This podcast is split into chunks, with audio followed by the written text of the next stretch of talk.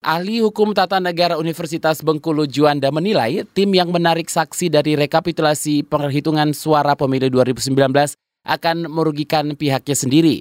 Juanda menyebut tim yang menarik saksi justru mengabaikan haknya untuk mempertahankan sanggahan atau argumentasi saat ditemukan kesalahan.